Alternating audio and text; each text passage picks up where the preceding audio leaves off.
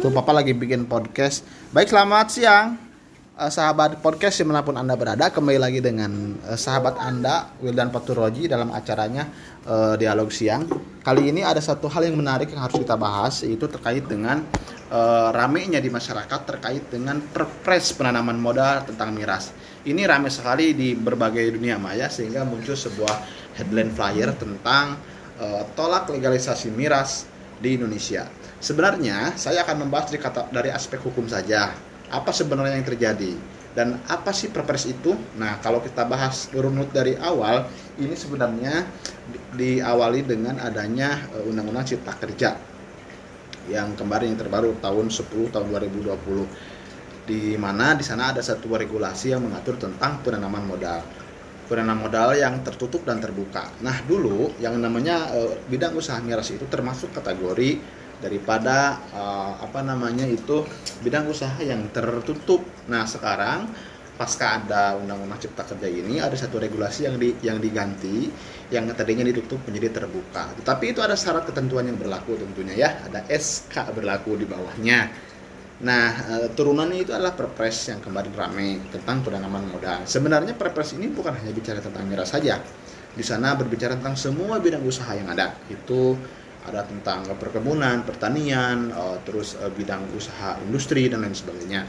Termasuk ada satu klausul di lampiran tiga itu tentang miras itu sendiri.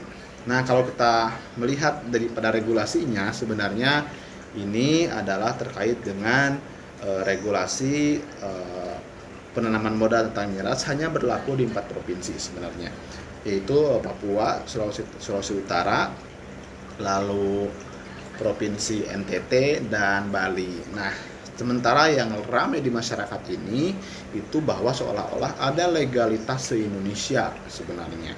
Padahal kalau kita bicara tentang bidang usaha miras ini dari dulu juga itu legal sebenarnya. Hanya saja perlu ada izin. Hanya saja dulu yang namanya usaha miras itu adalah bidang usaha tertutup. Jadi bukan usaha terbuka yang ada di mana-mana. Ini bidang usaha tertutup makanya kalau kita lihat di KPKP di hotel-hotel kan jarang ada razia dari aparat karena memang itu ada izinnya ada surat izin usahanya dan itu pun tertutup tidak terbuka misalkan di uh, supermarket supermarket swalayan nggak boleh karena itu terbuka anak-anak remaja bisa masuk begitu aja gitu kan tapi kalau di kayak di, di diskotik kayak di kafe itu kan orang-orang tertentu saja yang yang bisa masuk ke sana Nah, uh, oleh karena itu maka tentunya ketika ada perpres ini muncullah berbagai macam komentar netizen di di jagat dunia maya itu. Ada yang pro, ada yang kontra. Kebanyakan yang kontra sih pasti karena memang uh, penduduk Indonesia itu adalah mayoritas muslim. Dan muslim sudah jelas yang namanya homer itu harga mati hukumnya haram.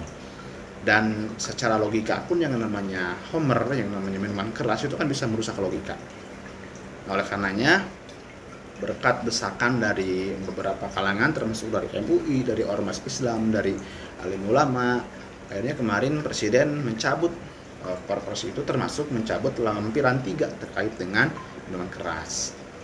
Halusnya? Iya, halusnya.